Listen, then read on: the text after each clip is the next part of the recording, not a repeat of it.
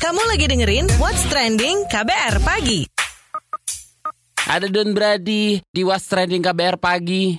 Kita bakal ngobrolin soal polemik pembatalan dokter gigi disabilitas jadi PNS ya, bukan jadi eh, CPNS lagi, jadi PNS. Jadi ini em, kisah dokter disabilitas bernama Romi Sof Sofia Ismail yang gagal menjadi pegawai negeri sipil di Kabupaten Solok Selatan meski lolos dalam tes. Menyedot perhatian masyarakat pastinya. Nggak hanya netizen yang memberikan komentar yang menunjukkan simpati, Komisi Nasional Hak Asasi Manusia atau Komnas HAM tidak tinggal diam. Jadi Komnas HAM menyurati Bupati Solok Selatan terkait perkara yang menimpa Dr. Gigi Romi.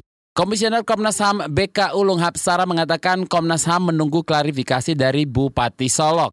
Nah, jadi em, akun Instagram Humas Solsel ya, eh, Humas underscore Solsel dalam keterangannya mengungkapkan bahwa pembatalan kelulusan Dr. Gigi Romi yang sudah melalui berbagai pertimbangan. Pemerintah Kabupaten Solok Selatan melalui Ketua Panitia Seleksi Daerah atau Panselda CPNS 2018 yang juga menjabat sebagai Sekretaris Daerah Yulian Evi itu bilang kalau Panselda yang terdiri dari berbagai unsur menilai bahwasanya pembatalan tersebut dilakukan setelah melalui kajian teknis, yuridis, dan rapat berulang-ulang kali.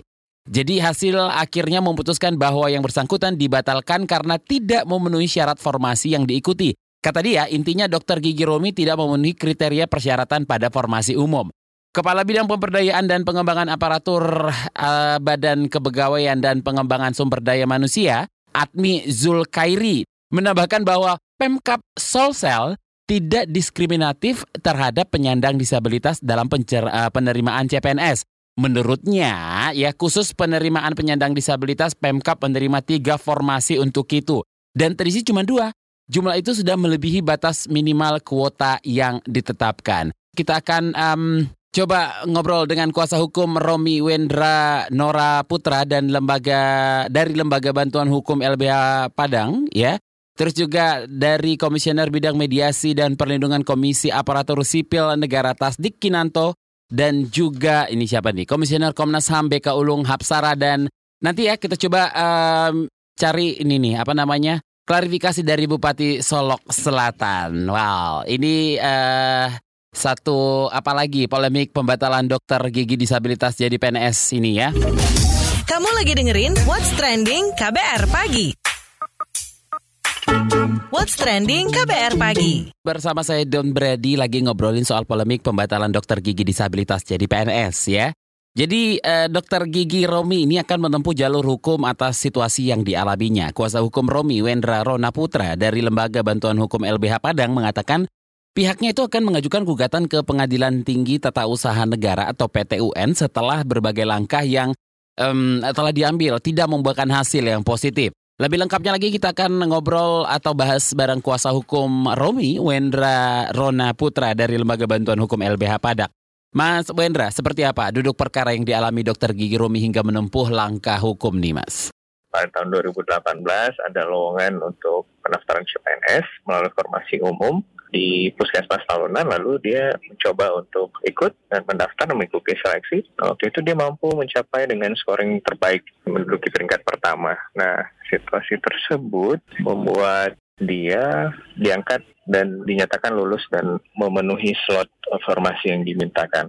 Nah, pada saat melengkapi persyaratan, eh, memang sempat ada perdebatan terkait soal kondisinya yang harus duduk di kursi roda, apakah mampu menjalankan fungsi tugasnya sebagai dokter gigi. Nah, waktu itu RSUD menerapkan semacam simulasi khusus untuk dokter gigi Romi untuk melihat ap- apakah benar dokter gigi Romi mampu menjalankan tugas dan fungsinya. Dan dari proses itu sebenarnya RSUD tidak membantah dan tidak ada sanggahan terkait soal kondisinya yang dinyatakan mampu. Lalu ada juga dua instansi pemerintah seperti RSUPM Jamil dan juga rumah sakit di Pekanbaru spesialis okupasi yang juga mendukung bahwa dokter gigi Romi dinyatakan fit dan uh, bisa untuk menjalankan uh, tugas dan fungsinya. Hmm, oke. Apa yang dinilai melanggar?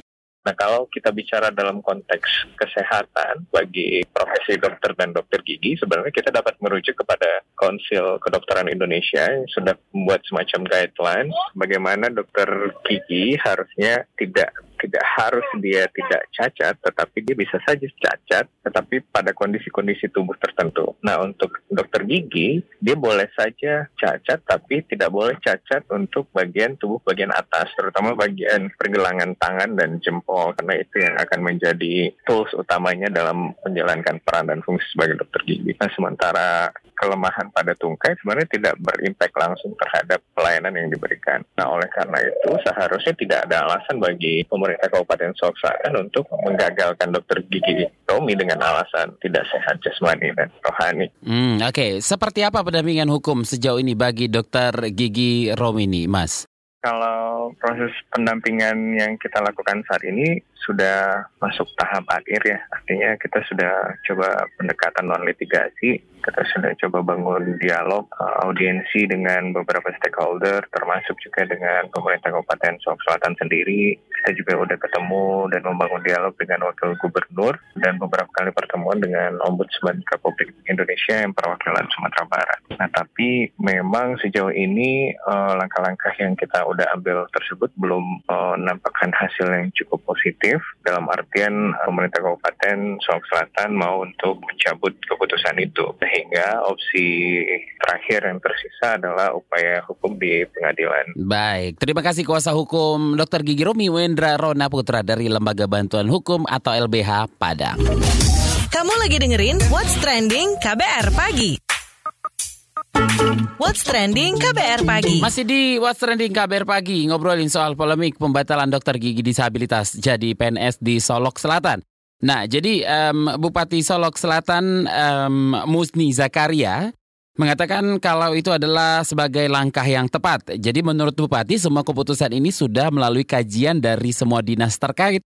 Dasar keputusan pembatalan kelulusan karena dianggap tidak sehat jasmani dan rohani Alasan lainnya, dokter gigi Romi seharusnya ikut tes formasi khusus disabilitas bukan formasi umum. Coba kita dengerin penuturan dari Bupati Salok Selatan, ya Musni Jakaria berikut ini. Saya kira saya sangat setuju sekali kalau memang ada keraguan atau ketidakpuasan, saya kira itu langkah yang paling tepat, saya kira dan saya setuju. Nah, itu tadi pernyataan uh, Bupati Solok Selatan um, Musni Zakaria, oke? Okay?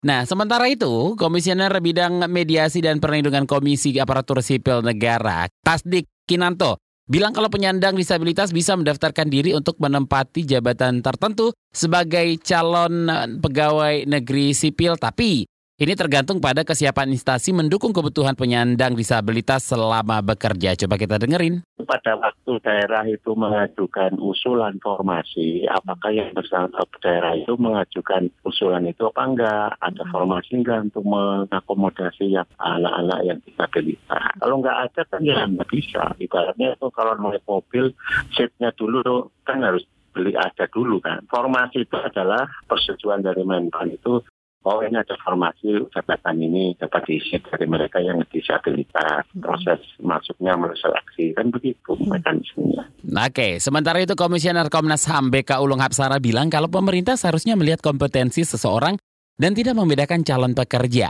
Menurutnya diskriminasi terhadap kelompok disabilitas itu masih tinggi. Ia bilang juga kalau penolakan hingga pemecatan terhadap kelompok disabilitas masih terjadi di lingkup pemerintahan daerah dan perusahaan-perusahaan swasta di Indonesia. Kita dengar berikut ini tanggapan dari Komisioner Komnas HAM BK Ulung Hapsara. Kan kalau tidak lulus kesehatan jasmani dan rohani, artinya syarat apa syarat itu juga mengada-ada karena toh apa Artinya memang makanya saya kira ini adalah praktek diskriminasi yang nyata dari pemerintah Kabupaten Solok Selatan. Karena sebenarnya soal disabilitas, disabilitas macam itu tidak menjadi alasan untuk menganulir seseorang tidak mampuan yang dimiliki karena dianggap karena tidak mampu segala macam.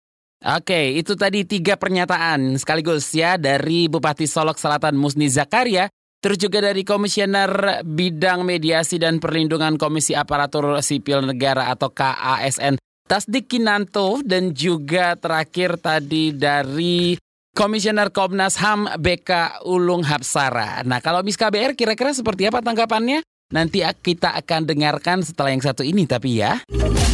Kamu lagi dengerin What's Trending KBR Pagi. What's Trending KBR Pagi. Penasaran sama komentar Miss KBR? Ini dia Miss KBR. Siapa pun itu, anak bangsa yang berprestasi layak terbaik memenuhi syarat lulus tes bisa dong mengabdi pada negara. Kan ada tuh rekrutmennya. Rekrutmen jadi pegawai negeri sipil alias PNS bin ASN, aparatur sipil negara.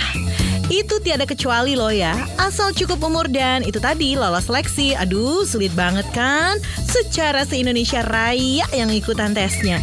Nah, kalau ada orang lolos, itu bukan berarti keajaiban, tapi orang itu emang mumpuni.